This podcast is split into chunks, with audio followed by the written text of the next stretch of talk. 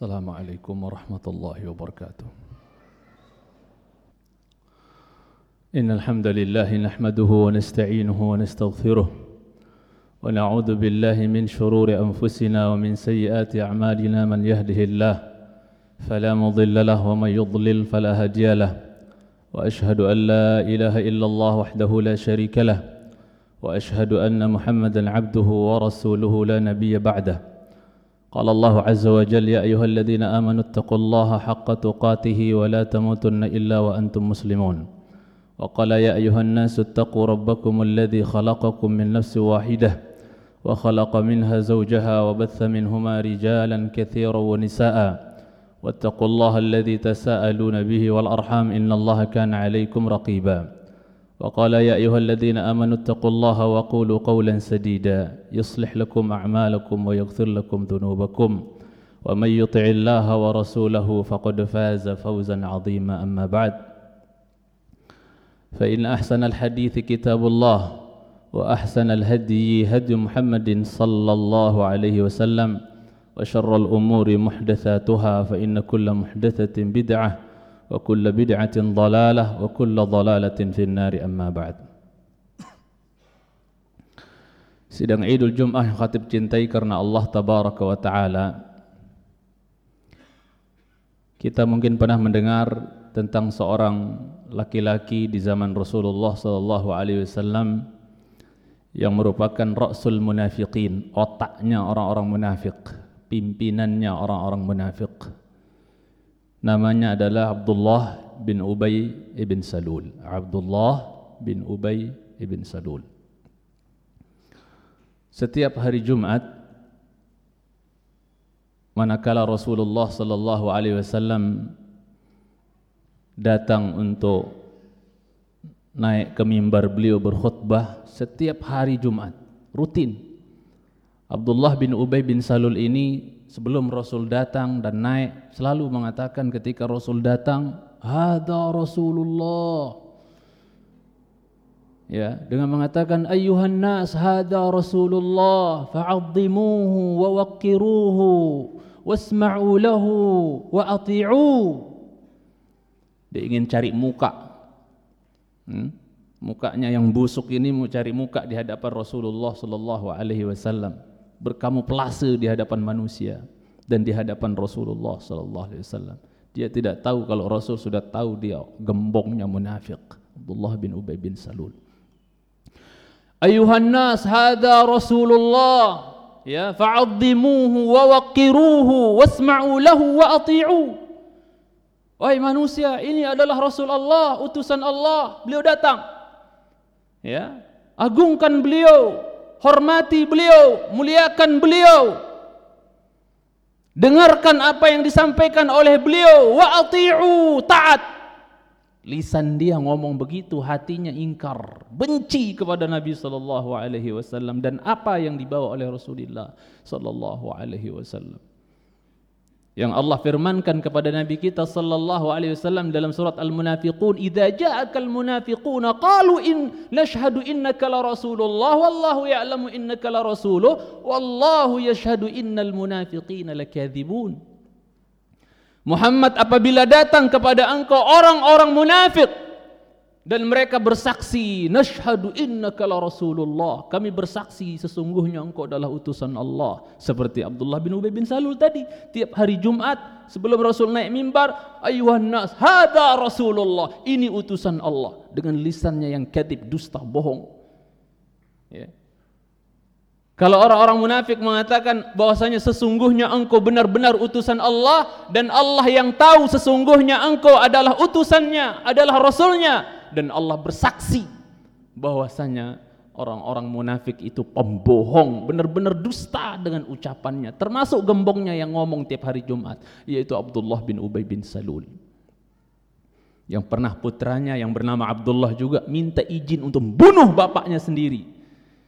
Ya, karena kemunafikannya, karena penghinaan dia terhadap Rasulullah sallallahu alaihi wasallam yang dia pernah berkata sebelum nyampe di perbatasan kota Madinah ya bahwasanya apa?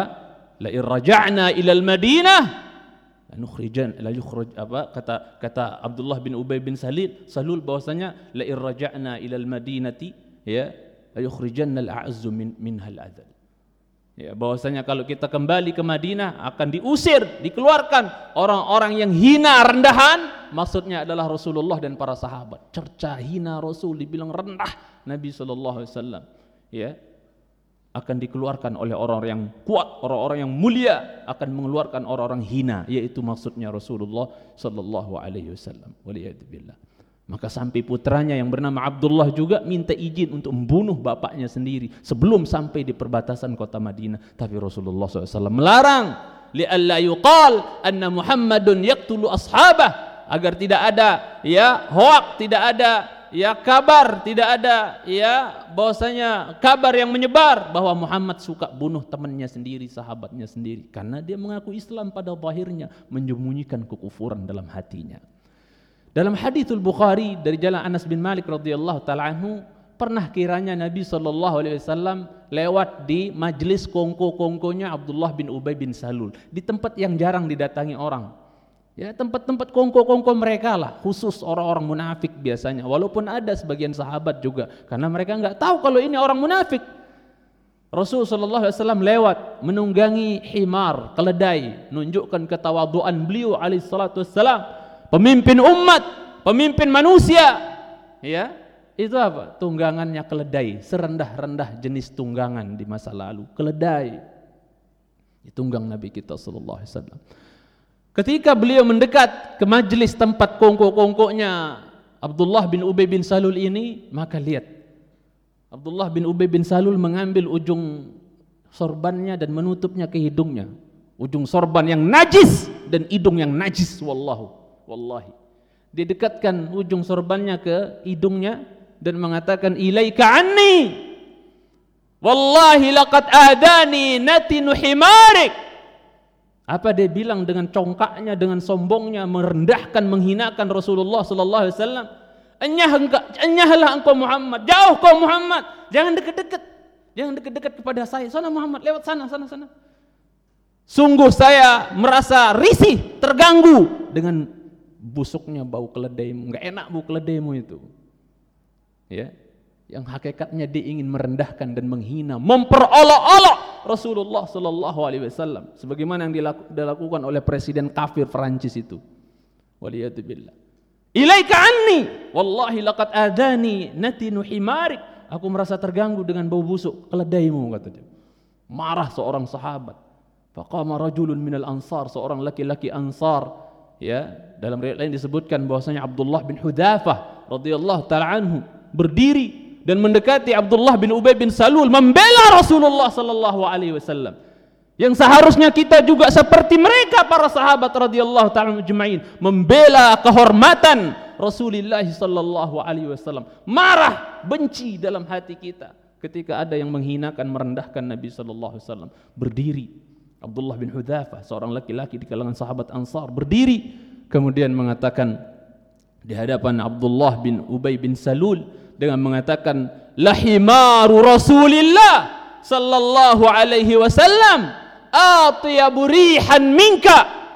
Demi bahwasanya kata Abdullah bin Abdullah bin apa namanya bahwasanya uh, sahabat yang mulia dari kalangan ya Ansar ini Abdullah bin Hudzafah mengatakan ya benar-benar bahwasanya keledai Rasulullah sallallahu alaihi wasallam keledai Rasulullah sallallahu alaihi wasallam aromanya lebih harum dibandingkan badanmu.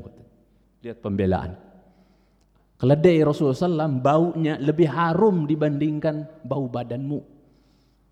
Dia balas, ya, membalas penghinaan terhadap Rasul Sallallahu Alaihi Wasallam. Dengan dikatakan bau keledeknya Rasul SAW masih lebih harum dibandingkan apa? Dibandingkan badanmu. Bagaimana dengan badan Rasulullah Sallallahu Alaihi wasallam? Yang kerap kali ya sebagian sahabat menadah keringat beliau sallallahu alaihi wasallam untuk menjadi sebaik-baik minyak wangi ya.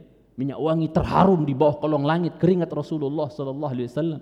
Ummu Sulaim ibundanya Anas kadang-kadang menadah keringat Rasul untuk jadi wangian ya Antum tahu kisah ya Ummu Haram ketika Rasulullah SAW kailulah di rumah Ummu Haram meneteslah keringat beliau ya bau ya tetesan keringat Rasulullah SAW di bawah ranjang ya tersebut yang tempat beliau qailulah itu tercium sampai Ummu Haram meninggal harumnya.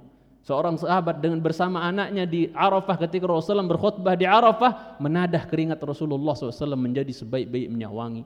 Bagaimana dikatakan pergi engkau? Ya, aromamu, aroma keledaimu membuat aku terganggu. Maka Rasul, maka sahabat tersebut membela Rasul dengan mengatakan bahwa aroma keledai Rasulullah sallallahu alaihi wasallam lebih harum dibandingkan kamu wahai Abdullah bin Ubay bin Salul. Pembelaan terhadap Rasulullah sallallahu alaihi wasallam. Dalam hadis yang disahihkan Imam Albani, diriwayatkan oleh Imam Abu Daud, ada seorang laki-laki buta di zaman Rasulullah sallallahu alaihi wasallam, seorang sahabat. Dia buta. Dia memiliki seorang jariah budak perempuan yang membantu dia sangat rajin, sangat taat membantu dia, berkhidmat untuk dia karena dia buta. Dan yang namanya budak perempuan boleh dicampuri oleh tuannya. Sampai-sampailah sahabat yang buta ini mendapatkan anak yang cakep-cakep dari perempuan ini, dari jariah ini. Dari ya budak perempuan ini. Sebagaimana Rasulullah SAW mendapat ya Ibrahim dari budak perempuan beliau Maria Al-Qibtiyah.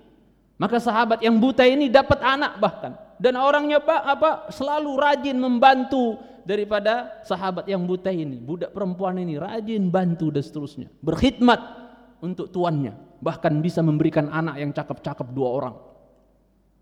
Kemudian namun di sisi lain lisan daripada jariah ini budak perempuan ini sangat tajam kotor. Di mana hari-harinya dihiasi dengan cercaan demi cercaan kepada Rasulullah sallallahu alaihi wasallam ya.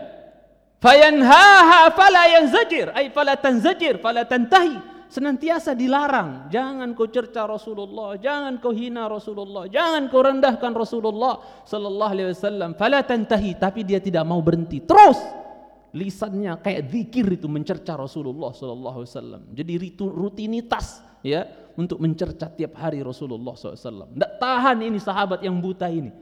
Maka sampailah suatu malam karena dia nggak kuat mendengar wanita ini budak perempuan ini selalu mencela Rasulullah sallallahu alaihi wasallam faltamasa al-mighwal. Dia cari sejenis pedang pendek atau pisau dicari.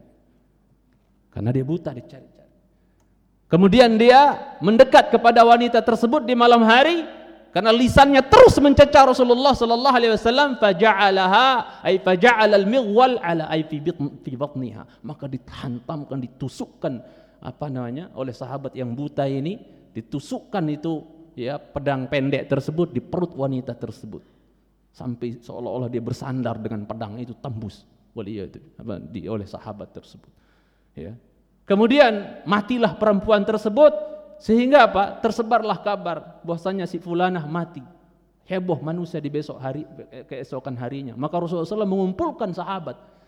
Ingin tahu siapa pelaku pembunuhan terhadap wanita ini ya maka beliau meminta siapa yang melakukan pembunuhan ini keluar, muncul. Maka berdirilah laki-laki yang buta ini. Ya, ya takhatta riqaban nas. Dia melangkahi pundak-pundak manusia, para sahabat, melangkah, ya tazalzalu sampai kayak orang mau mau jatuh gitu. Karena buta. Mendekat kepada sumber suara Rasulullah sallallahu alaihi wasallam, ingin mendatangi Rasulullah sallallahu alaihi wasallam. Ana sahibuha. Saya pemilik budak ini ya Rasulullah. Saya pemilik wanita ini. Maka Rasulullah SAW tanya, kenapa kau bunuh dia? Kenapa kau menusuk dia, menikam dia? Dia ceritakan bahwasanya saya telah berusaha untuk mencegah dia ya Rasulullah SAW dari mencerca engkau, menghina engkau tiap hari, tiap malam. Lisannya tidak pernah lepas dari mencerca dan menghina, mengolok-olok engkau ya Rasulullah. Aku nggak tahan. Maka tadi malam puncaknya aku tikam perutnya ya Rasulullah. Aku bunuh dia karena membela diri beliau Sallallahu Alaihi Wasallam, kehormatan beliau Sallallahu Alaihi Wasallam. Maka Rasulullah SAW ketika tahu ceritanya bahwa dia bunuh perempuan tersebut karena lisannya yang kotor yang selalu mencoreng kehormatan Rasulullah SAW. Alashhadu anna damaha hadar kata Rasulullah SAW. Saksikanlah bahwasanya darah wanita ini halal memang untuk ditumpahkan, tidak dikisos itu sahabat buta tersebut. Ya, alashhadu anna damaha hadar saksikanlah darahnya memang berhak untuk dialirkan ditumpahkan perempuan seperti ini dalam hadis ya Asy-Sya'bi diriwayatkan Imam Sya'bi begitu juga oleh Imam Abu Daud dari sahabat Ali bin Abi Thalib radhiyallahu taala anhu bahwasanya anna yahudiyatan kanat tasubbun Nabi sallallahu alaihi wasallam. Ada seorang wanita juga Yahudi yang suka mencerca, menghina, memperolok-olok Nabi sallallahu alaihi wasallam. Ya. Maka apa? Faqama rajulun fakhanaqaha. Ya. Maka Rasul hatta matat, maka berdirilah seorang sahabat mencekik leher perempuan Yahudi tersebut sampai dia kelekak-kelekak mati perempuan Yahudi itu. Yang mulutnya busuk mencerca Rasulullah SAW dicekik oleh ya, seorang sahabat sampai dia mati. Fa'abtala Rasulullah sallallahu alaihi alaihi damaha. Maka Rasulullah SAW membatalkan darahnya dalam artian ini darahnya enggak, ber, enggak berguna ini halal ditumpahkan darahnya perempuan ini perempuan Yahudi lagi. Ya kemudian juga dalam riwayat Abdur Abdur Razak ada seorang laki, seorang perempuan juga di zaman Rasulullah SAW selalu lisannya mencerca menghina Rasulullah SAW mengolok-olok Nabi SAW, merendahkan Nabi SAW. Alaihi Wasallam. Maka Rasulullah SAW mengatakan, "Man yakfini adui." Siapa yang mau mencukupkan saya, membela saya dari musuh saya? Perempuan perempuan padahal dibilang musuh oleh Nabi sallallahu alaihi wasallam gara-gara dia mencerca Rasulullah SAW. Man yakfini adui? Siapa yang mau mencukupkan saya, membela saya dari musuh saya ini? Perempuan yang selalu mencerca Rasulullah SAW. Faqama ilaiha Khalid bin Walid faqatalaha. Maka sahabat Khalid bin Walid ya berdiri dan pergi mendatangi perempuan tersebut kemudian dipenggal oleh Khalid bin Walid. Halal darahnya karena dia mencerca Rasulullah sallallahu alaihi wasallam. Yang subhanallah, lihat bagaimana pembelaan para sahabat. Hatta remaja-remaja sahabat, ya, pemuda-pemuda remaja-remaja sahabat membela Rasulullah SAW. Tidak rela Rasulullah SAW dicerca, dihina, diolok-olok. Dalam hadis Bukhari dan Muslim, Abdurrahman bin Auf yang merupakan putri dari Asy-Syifa. Seorang perempuan yang membantu lahirnya Nabi kita sallallahu alaihi wasallam, yang membantu ya Aminah ketika melahirkan Nabi kita sallallahu alaihi wasallam. Bahkan dia tukang khususnya atau yang inti membantu Aminah melahirkan Nabi kita sallallahu alaihi wasallam, melahirkan seorang anak Abdurrahman bin Auf paling kaya semadinah, bahkan salah satu di antara 10 sahabat yang dijamin masuk surga. Abdurrahman bin Auf. Abdurrahman bin Auf ya bahwasanya kuntu fi saffin yauma badr. Aku berada di tengah-tengah saf perang di perang badar. Udah besar rapi rapat. Ini perang. Bagaimana salat jamaah? Ya di perang. Ya rapat rapi. Bahkan ada sahabat yang moncong dadanya sedikit ditusuk oleh to dengan tongkat oleh Rasulullah SAW itu di perang dirapatkan. Lurus barisannya. Tiba-tiba ada dua, seorang, dua orang apa? Dua orang laki-laki gulamain ada seorang ghulamaini minal ansar, dua orang laki-laki ya, remaja di kalangan orang ansar. Ya. Menatap mata saya, kata Abdurrahman bin Auf, dia lihat kepada saya. Faqala ahaduhuma, maka salah satu di antara dua remaja ansar penduduk asli Madinah ini berkata kepada saya, "Ya ammi, dullani ala Abi Jahal, dullani ala Abi Jahal." Tunjukkan saya yang mana namanya Abu Jahal. Tunjukkan saya yang mana namanya Abu Jahal. Wa ma turidu ya ya bena ammi ya ya bena ammi? Kata Abdurrahman bin Auf Abdurrahman bin Auf kau mau apa wahai anak anak saudaraku? Maksudnya ya bena akhi kau anak saudaraku kau mau apa?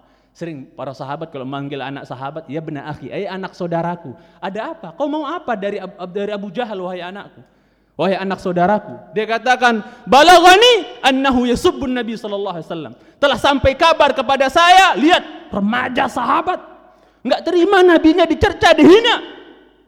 Telah sampai kabar kepadaku bahwasanya Abu Jahal mencerca, menghina Rasulullah sallallahu alaihi wasallam dan saya telah bersumpah untuk membunuh dia. Entah siapa yang mati duluan atau apakah saya atau dia, saya enggak peduli. Siapa yang mati duluan. Lihat pemuda sahabat membela Rasulullah SAW. Bagaimana pemuda kita hari ini? Aku luqal hada wa astaghfirullah li wa lakum wa li muslimin wal muslimat min kulli dhanbin wa khati'ah fastaghfiruhu innahu huwal ghafurur rahim.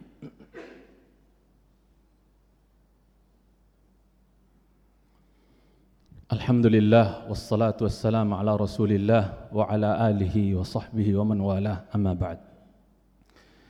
Di Mekah jamaah yang saya cintai sidang Idul Jumat yang khatib muliakan ada seorang laki-laki namanya Ibnu Khatal. Mungkin kita sering dengar namanya Ibnu Khatal. Sama lisannya juga tajam. Tidak ada tobat-tobatnya, nggak ada berhenti-berhentinya mencerca, menghina Rasulullah SAW. Ya, padahal dia telah dilarang oleh banyak orang, jangan, jangan, jangan. Jangan kau cerca Muhammad sallallahu alaihi wasallam. Kualatnya kebangetan nanti. Bahaya. Inna huwal abtar kata Allah Azza wa Jalla. Sungguhnya orang yang mencerca menghina engkau Muhammad, dia benar-benar akan terputus celaka binasa.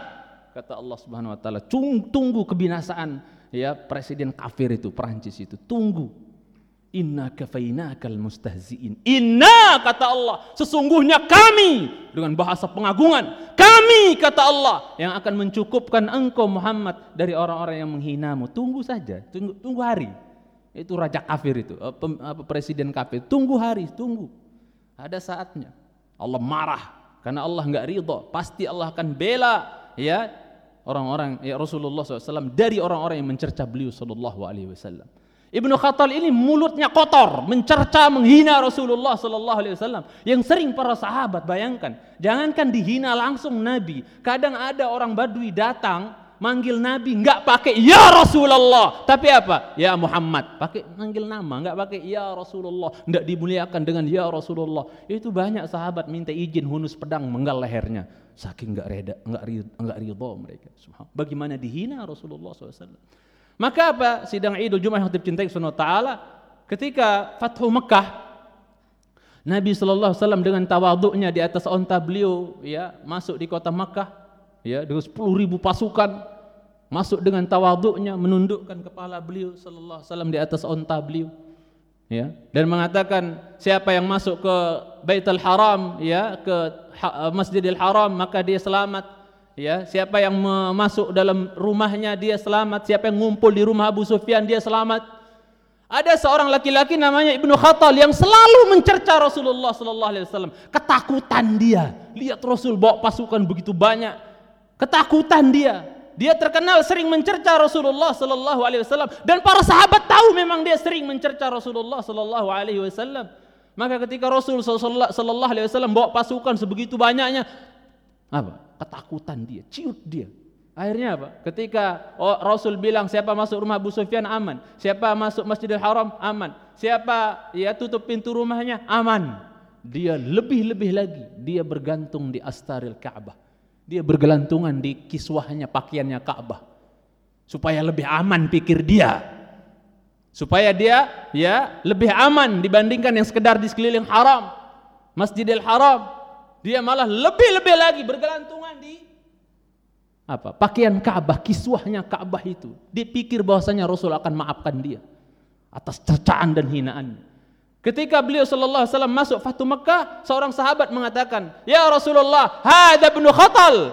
Ya, ya alladzi kana yasubbuk. Ini ibnu khattal ya Rasulullah yang selalu mencerca dan menghina engkau muta'alliqun bi astaril Ka'bah. Dia bergelantungan di kiswah di pakaian Ka'bah. Dengan harapan tidak diapa-apain sama Rasulullah SAW tapi Rasulullah SAW mengatakan idhabu faktuluh pergi bunuh dia walaupun bergelantungan di kiswahnya Ka'bah. Itu. Rasul sallallahu alaihi wasallam tak ada tidak ngaling-ngaling kalau bagi yang mencerca, menghina beliau, menghor, apa menghinakan beliau sebagai seorang rasul dan seterusnya, itu beliau perintahkan untuk dibunuh oleh beliau sallallahu alaihi wasallam. Kita tahu bagaimana pembelaan seekor anjing sering kita dengar. Ketika ada seorang pembesar atau umara, pemberi salah satu di antara pembesar pasukan Mongolia masuk Nasrani, maka diadakan pesta. Karena orang besar yang masuk Kristen ya masuk Nasrani ya itu apa? Diadakan pesta besar diundang rohib-rohib di, diundang pendeta-pendeta Nasrani untuk menyaksikan. Pesta besar. Maka apa? Datanglah mereka. Kemudian ada seorang pendeta yang so, ingin cari muka di hadapan raja. Kemudian apa? Dia mulai mencerca Rasulullah SAW menghina Rasulullah SAW kemudian di dekat gerbang istana ada anjing atau di dalam istana itu sendiri ada anjing yang diikat. Maka dia ngamuk-ngamuk anjing itu ingin menerkam orang yang mencerca Rasulullah SAW, pendeta tersebut. Ya, ngamuk-ngamuk ingin menerkam laki-laki tersebut. Hampir kena, bahkan ada yang menyebutkan dia kena, tapi berhasil dilepaskan. Sehingga orang mengatakan dia mau menerkam engkau anjing itu ingin menerkam engkau, engkau kan, karena engkau mencerca mencerca Muhammad. Kata sebagian mereka. Oh enggak, tadi gara-gara saya nunjuk adab dia, mungkin dia kira saya akan mukul dia, makanya dia marah anjingnya kata dia, dia berkelah. Ya. Dan karena saya orang baru di sini makanya ya, biasa anjing kalau lihat orang baru digonggongin, mau marah, mau diterkam dan seterusnya. Bukan karena saya mencerca Muhammad katanya. Ya wes, Akhirnya dia lanjut lagi mencerca Nabi kita SAW, menghina Nabi kita SAW di hadapan hadirin. Maka apa sidang Idul Jumat yang hatib cintai karena Allah Tabaraka wa Taala, anjing tersebut menggigit talinya, ya, diputus talinya, kemudian apa? Melon, apa menerkam ya pendeta tersebut pas di lehernya diterkam sampai mati digigit oleh anjing tersebut maka 40 ribu orang-orang Mongolia masuk Islam di waktu tersebut. 40 ribu orang Mongolia masuk Islam gara-gara kejadian tersebut. Anjing saja nggak rela Muhammad sallallahu alaihi wasallam dihina. Bagaimana kita umatnya sallallahu alaihi wasallam? Tapi ingat jangan sampai kita bertindak tidak sesuai dengan aturan syariat. Jangan sampai kita bergerak sendiri tanpa bimbingan wahyu Quran dan Sunnah. Bagaimana sikap kita ketika menghadapi pencerca penghina Rasulullah Sallallahu Alaihi Wasallam? Apa masing-masing kita punya tindakan sendiri atau kita harus terikat dengan pemerintah kita dan seterusnya? Ini fikihnya luas dan harus dibahas dalam pembahasan khusus. Tidak ada waktu untuk kita bahas. Dan faidah terakhir bahwa dalam hadis Bukhari dan Muslim dari jalan Anas bin Malik radhiyallahu taala anhu orang-orang yang mencerca Rasulullah SAW itu biasanya jenazahnya nggak diterima oleh tanah. Nggak diterima oleh tanah. Panjang hadisnya kalau kita mau ceritakan juga tidak ada waktu untuk kita sampaikan. Mudah-mudahan yang sedikit ini ya ada faidahnya manfaatnya dan semakin menambah kecintaan kita pembelaan kita kepada Rasulullah sallallahu alaihi wasallam. Dan ini khatib sampaikan sebagai bentuk sikap kita terhadap apa yang terjadi ya akhir-akhir ini اللهم صل على محمد وعلى آل محمد كما صليت على إبراهيم وعلى آل إبراهيم إنك حميد مجيد. وبارك على محمد وعلى آل محمد كما باركت على إبراهيم وعلى آل إبراهيم في العالمين إنك حميد مجيد. اللهم اغفر للمسلمين والمسلمات والمؤمنين والمؤمنات الأحياء منهم والأموات. اللهم يا مقلب القلوب ثبت قلوبنا على دينك. اللهم إنا نسألك الهدى والتقى والعفاف والغنى. اللهم يا مصرف القلوب صرف قلوبنا على طاعتك. ربنا ظلمنا أنفسنا وإن لم تغفر لنا وترحمنا لنكونن من الخاسرين. ربنا آتنا في الدنيا حسنة وفي الآخرة حسنة وقنا عذاب النار. وصلى الله على محمد وعلى آله وصحبه وبارك وسلم. وآخر دعوانا أن الحمد لله رب العالمين. أقم الصلاة. الحمد لله رب العالمين. الرحمن الرحيم. مالك يوم الدين إياك نعبد وإياك نستعين. اهدنا الصراط المستقيم. صراط الذين أنعمت عليهم غير المغضوب عليهم ولا الضالين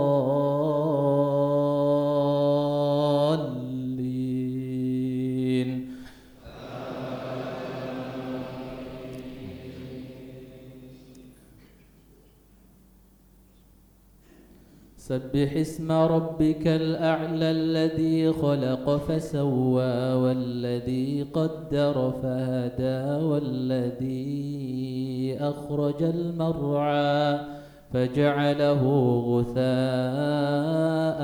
أحوى سنقرئك فلا تنسى إلا ما شاء الله.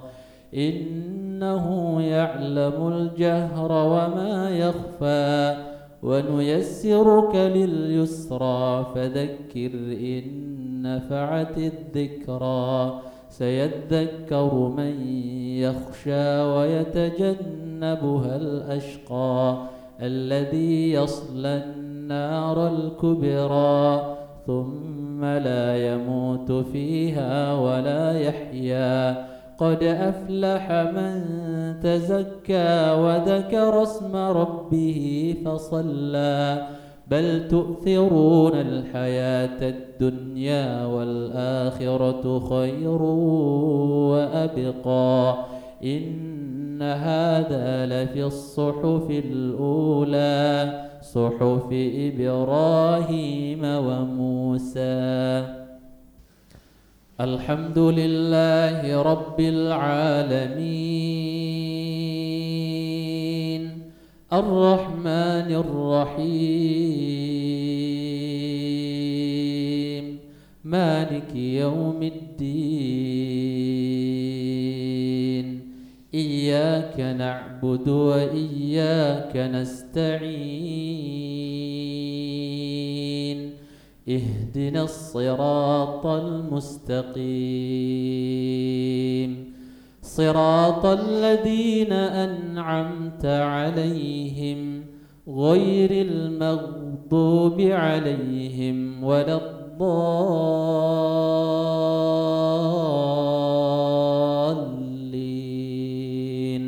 آمين. القارعة ما القارعة؟ وما أدراك ما القارعة؟ يوم يكون الناس كالفراش المبثوث وتكون الجبال كالعهن المنفوش. فأما من ثقلت موازينه فهو في عيشة راضية. وأما من خفت موازينه فأمه هاوية. وما أدراك ما هي؟ نار حامية.